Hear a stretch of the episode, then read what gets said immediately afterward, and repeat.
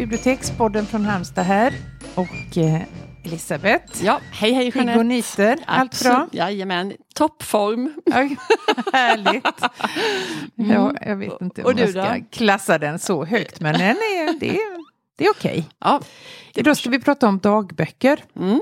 Eh, och det finns en massa utgivna dagböcker och det finns romaner som är skrivna i dagboksform. Som Ja. är en ganska intressant eh, liksom, eh, litterärt grepp kan jag tycka. ja För att det är det ändå det mest privata. Och Ja, sen samtidigt då ge ut dem för alla att läsa. Mm. Det är ju rätt modigt. ja, och det finns ju massa... Och det måste också vara intressant att läsa. om. Ja, det måste det ju.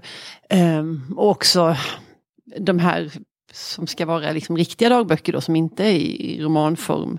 Eller så, liksom hur sanningsenliga är de och skriver man ändå för och tänker Nej. att någon ska läsa det här någon gång, att det finns något poserande drag. Då blir det ju något helt annorlunda.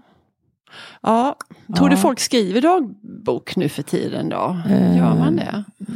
Jag kommer ihåg då när bloggarna, de finns väl knappt längre heller, när de kom. Att de menar ju på att det var ju, då flyttade ju dagböckerna ut i, i offentligheten. Ja, Och att det var jättestort, att det var väldigt, väldigt många som Mm. skrev eh, dagböcker. det var säkert nätet. fler som skrev än som läste. Jag tror också det faktiskt. eh, svårt att veta, Mm.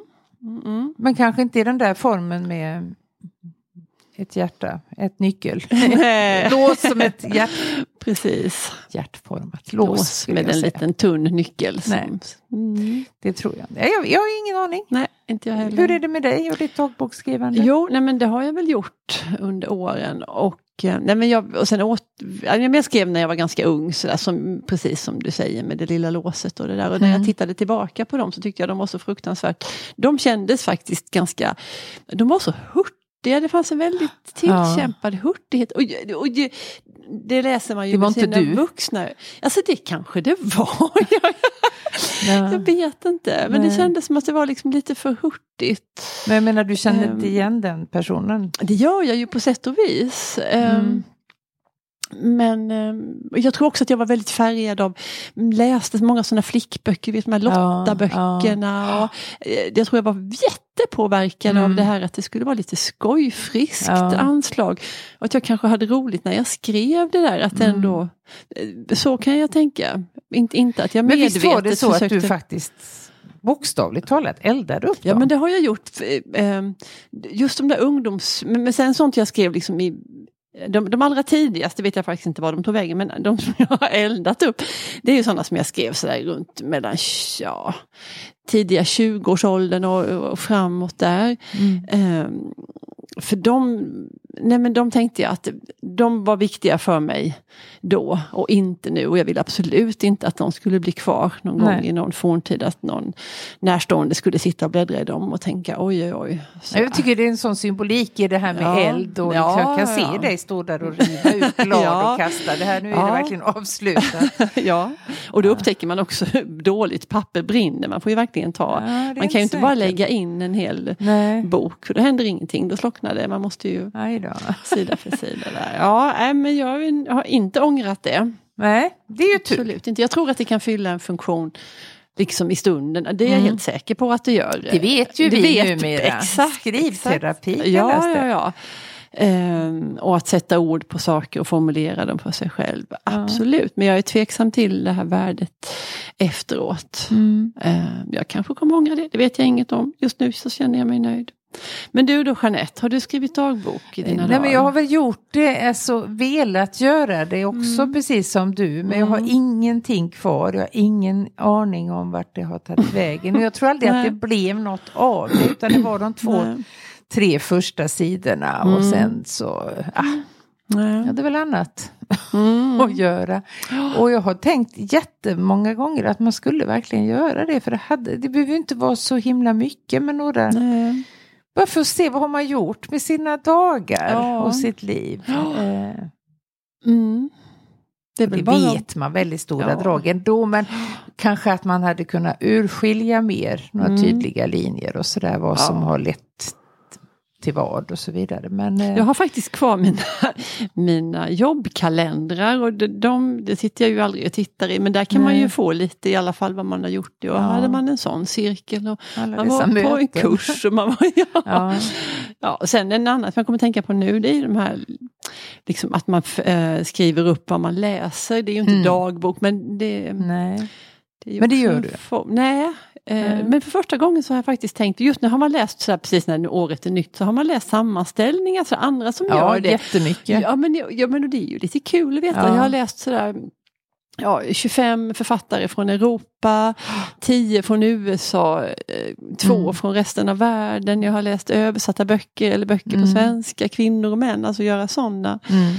Små Ja, koordinatsystem. men du, ska vi ta och göra det Ja. 2020? Vi får läsdagbok. Vi ska då härmed för, ja det gör Ja, vi. Så Mm. redovisar vi den sen så ser vi vad vi får för Ja. eh, utfall. Japp. I, eh, Ja men vad skojigt. jättekul.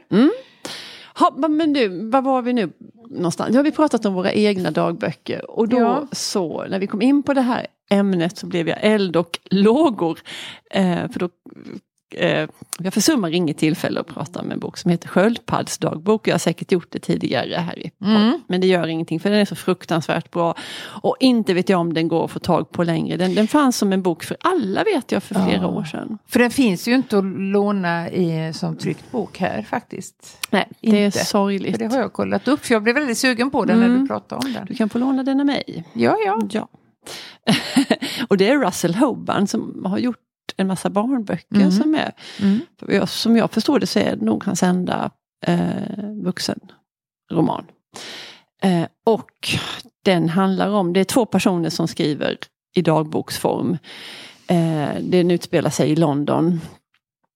Eh, det är två helt, de känner inte varandra, vet inte om varandra. Den ena är som författaren själv eh, barnboksförfattare, det är den kvinnliga huvudrollsinnehavaren. Hon skriver och illustrerar jättefina barnböcker, bilderböcker för barn. Och mannen i historien han eh, har en bokhandel eller jobbar i en bokhandel. Mm, där är man ju lite på kroken redan. Eller hur? Eh, och det som förenar dem det är ett gemensamt uppdrag som de på olika sätt visar sig dela och det är att de vill befria de stora havssköldpaddorna ifrån London Zoo. Mm.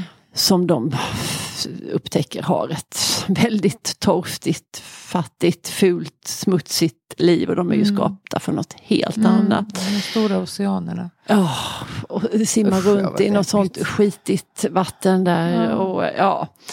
Ehm, och sen får man liksom följa hela det här. Den, här. den handfasta handlingen är ju hur de ska gå tillväga och de blir bekanta Ja, med inte inte så enkelt. De blir bekanta med en person som jobbar, det krävs ju för att detta ska gå att genomföra, som jobbar på, på Sagda Zoo där i London. Och, Mm. eh, och då får man liksom parallellt följa både den yttre handlingen men också vad som händer liksom inuti de här Mm. personerna. Och den, där, där finns en massa oväntade, eh, ja, den, är så, den är både vemodig och den är humoristisk och den är långt, långt före sin tid.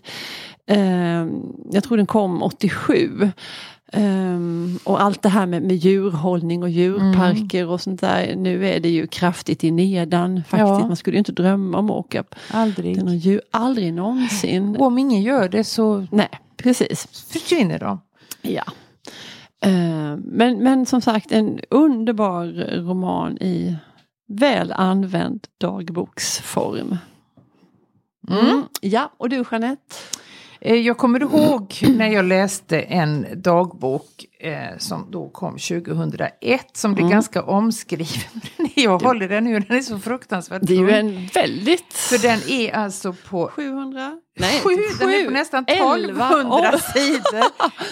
Wow. Eh, och den spänner då över åren 1935 till 1988.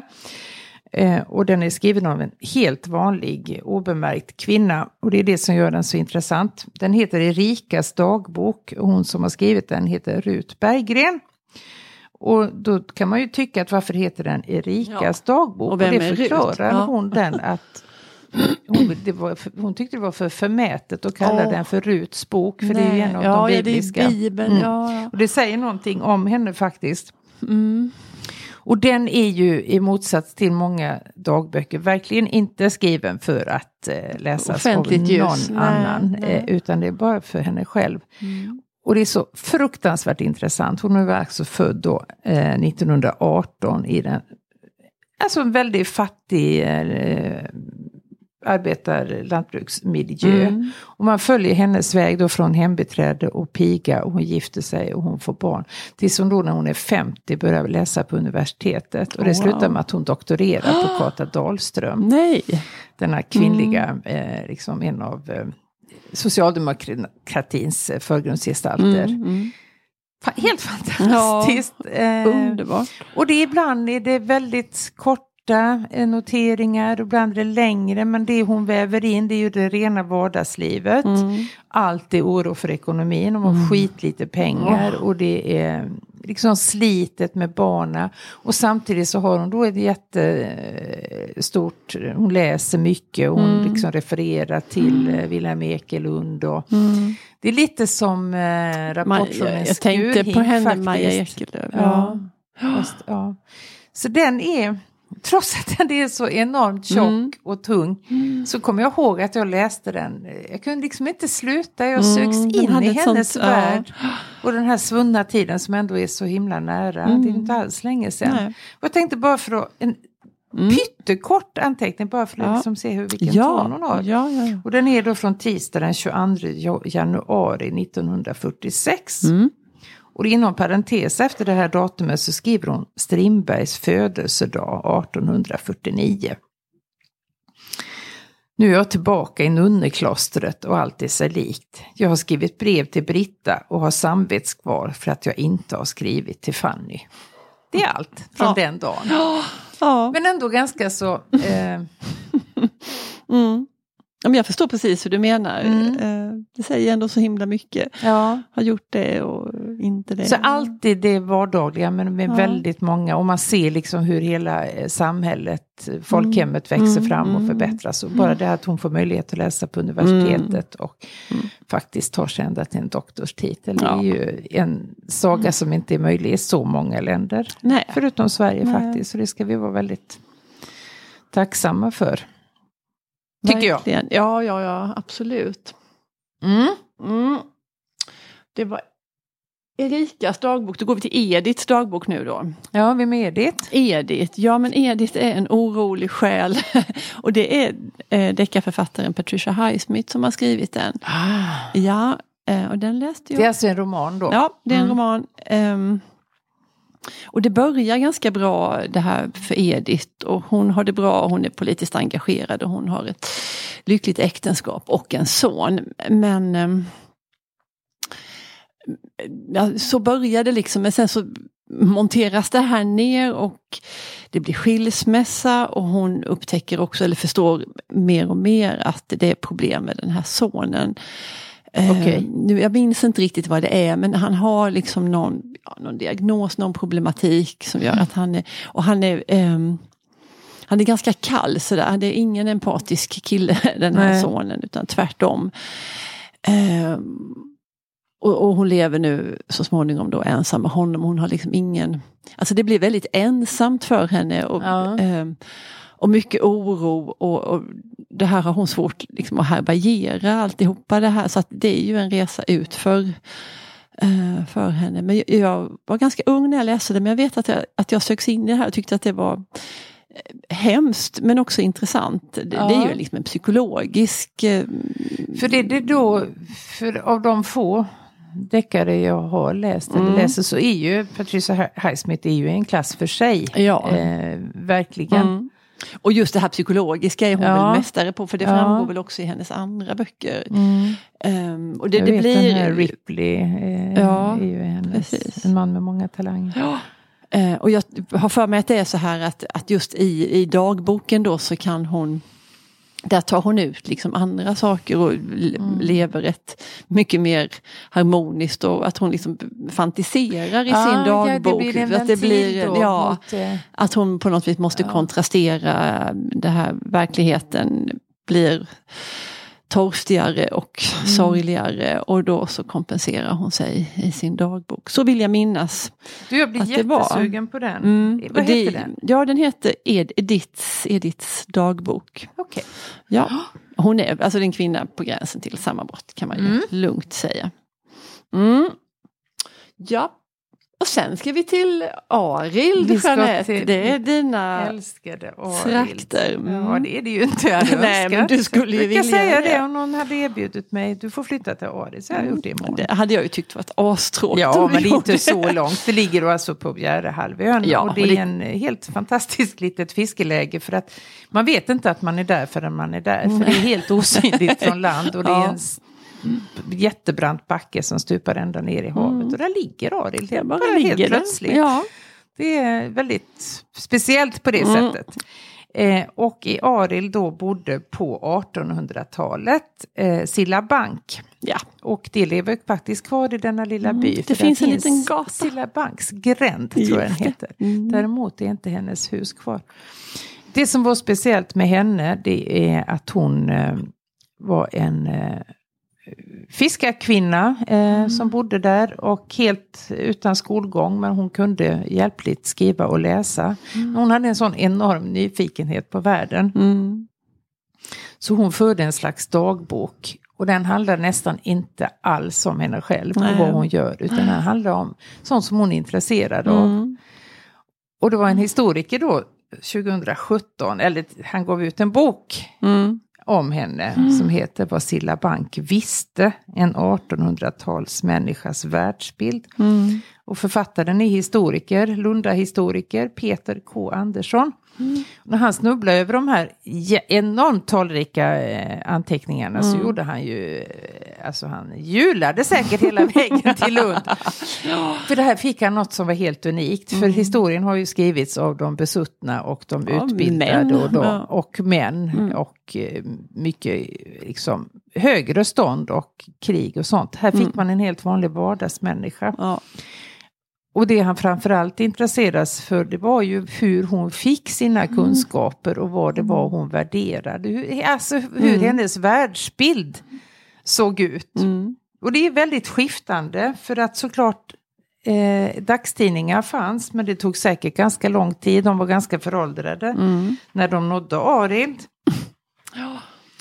Eh, men eh, alltså, alltså man känner att man gillar Silla Bank. Just det här Mm. att jag ser henne framför mig, att hon är så intresserad, hon är så vetgirig. Mm. Och även om det var svårt för henne att få informationen så tyckte hon att den var så viktig så den var värd att notera. Mm. Och ibland är det också mot, eh, som i det här exemplet som jag ska läsa, att hon räknar upp hur många hon känner som är döda. Ja.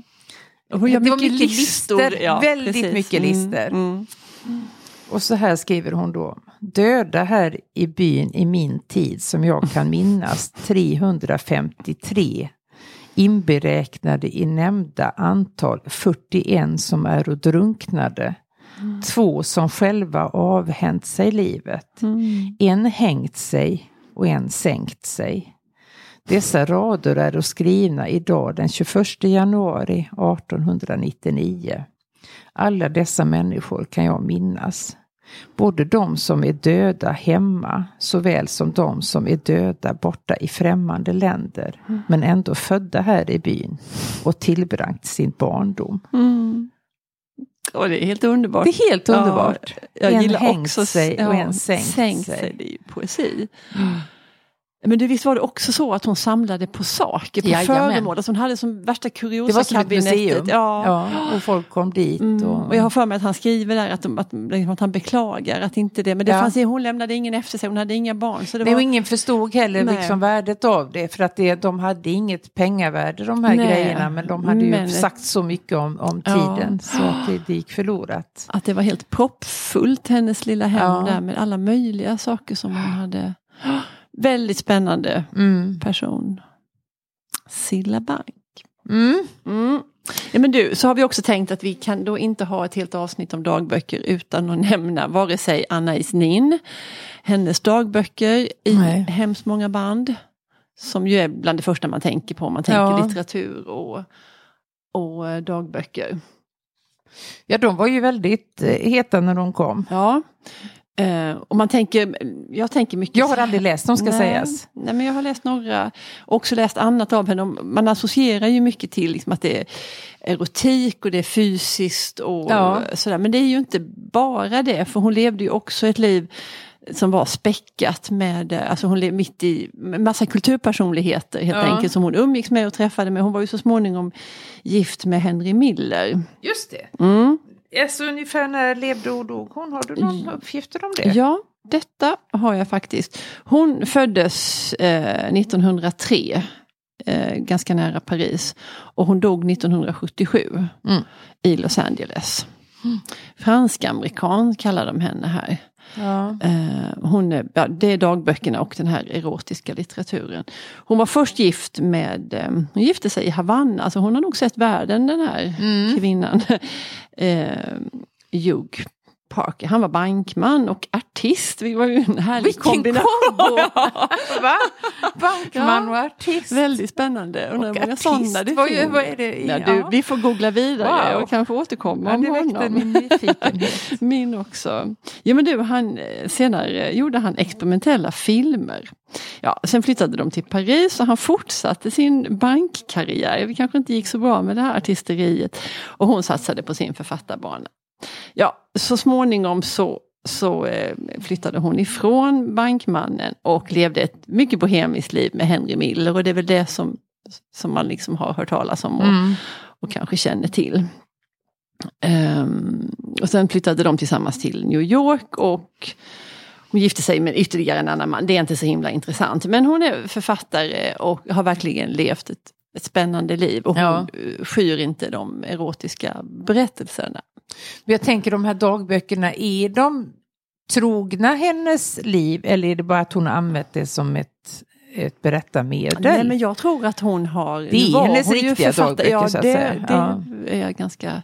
Sen vet man ju aldrig vad som har plockats bort eller Nej. lagts dit eller när de skulle publiceras.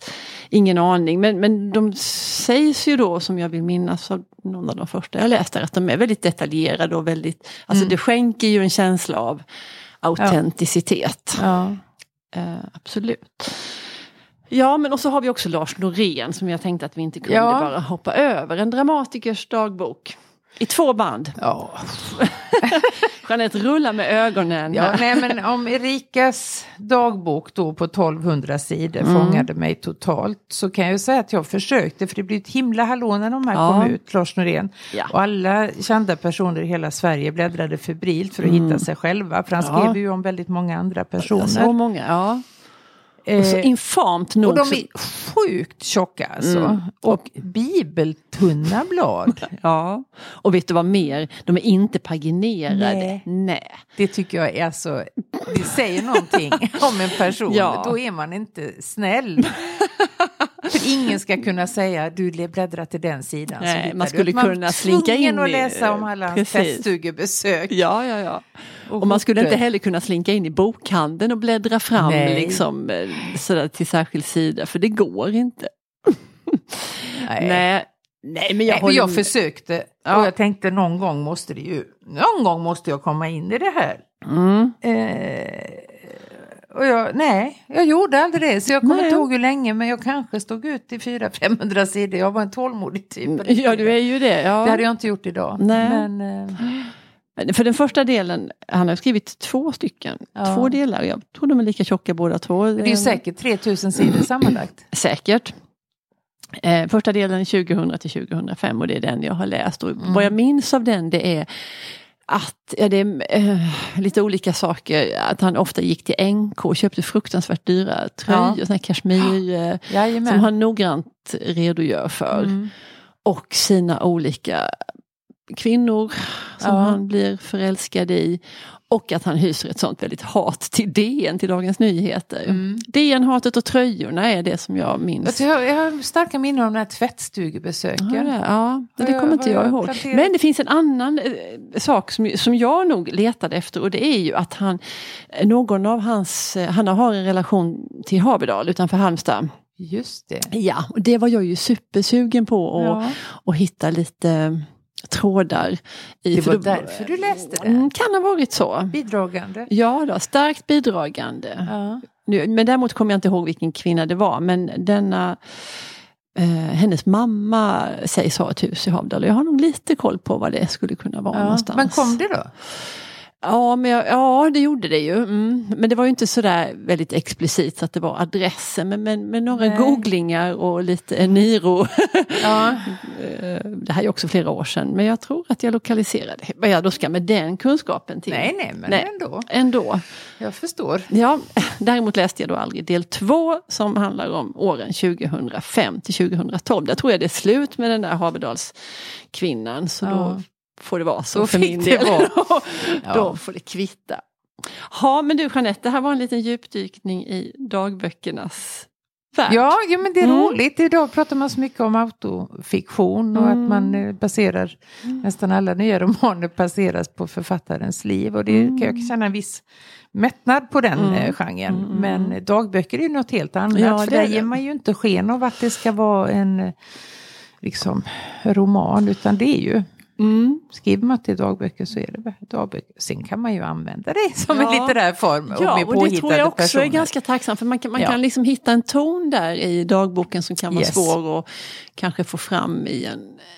Jag kan tänka mig också att om man vill tala om för läsaren om den här personen har liksom någon skev verklighetsuppfattning. Mm, mm. Och om författaren då parallellt beskriver hur det verkligen är Mm. kontra hur personen återger det i sin dagbok så är det ju ett supersmart grepp. Ja, För att då fattar ju vi mycket mer än vad själva personen gör. Och precis. det gillar man ju som läsare. Ja, det gör man. Ja, men du, vi ska stå igen eh, dagboken och poddstudion för idag. Mm, Ja, men vi återkommer. det gör vi. Ja, Hej hej. hej, hej.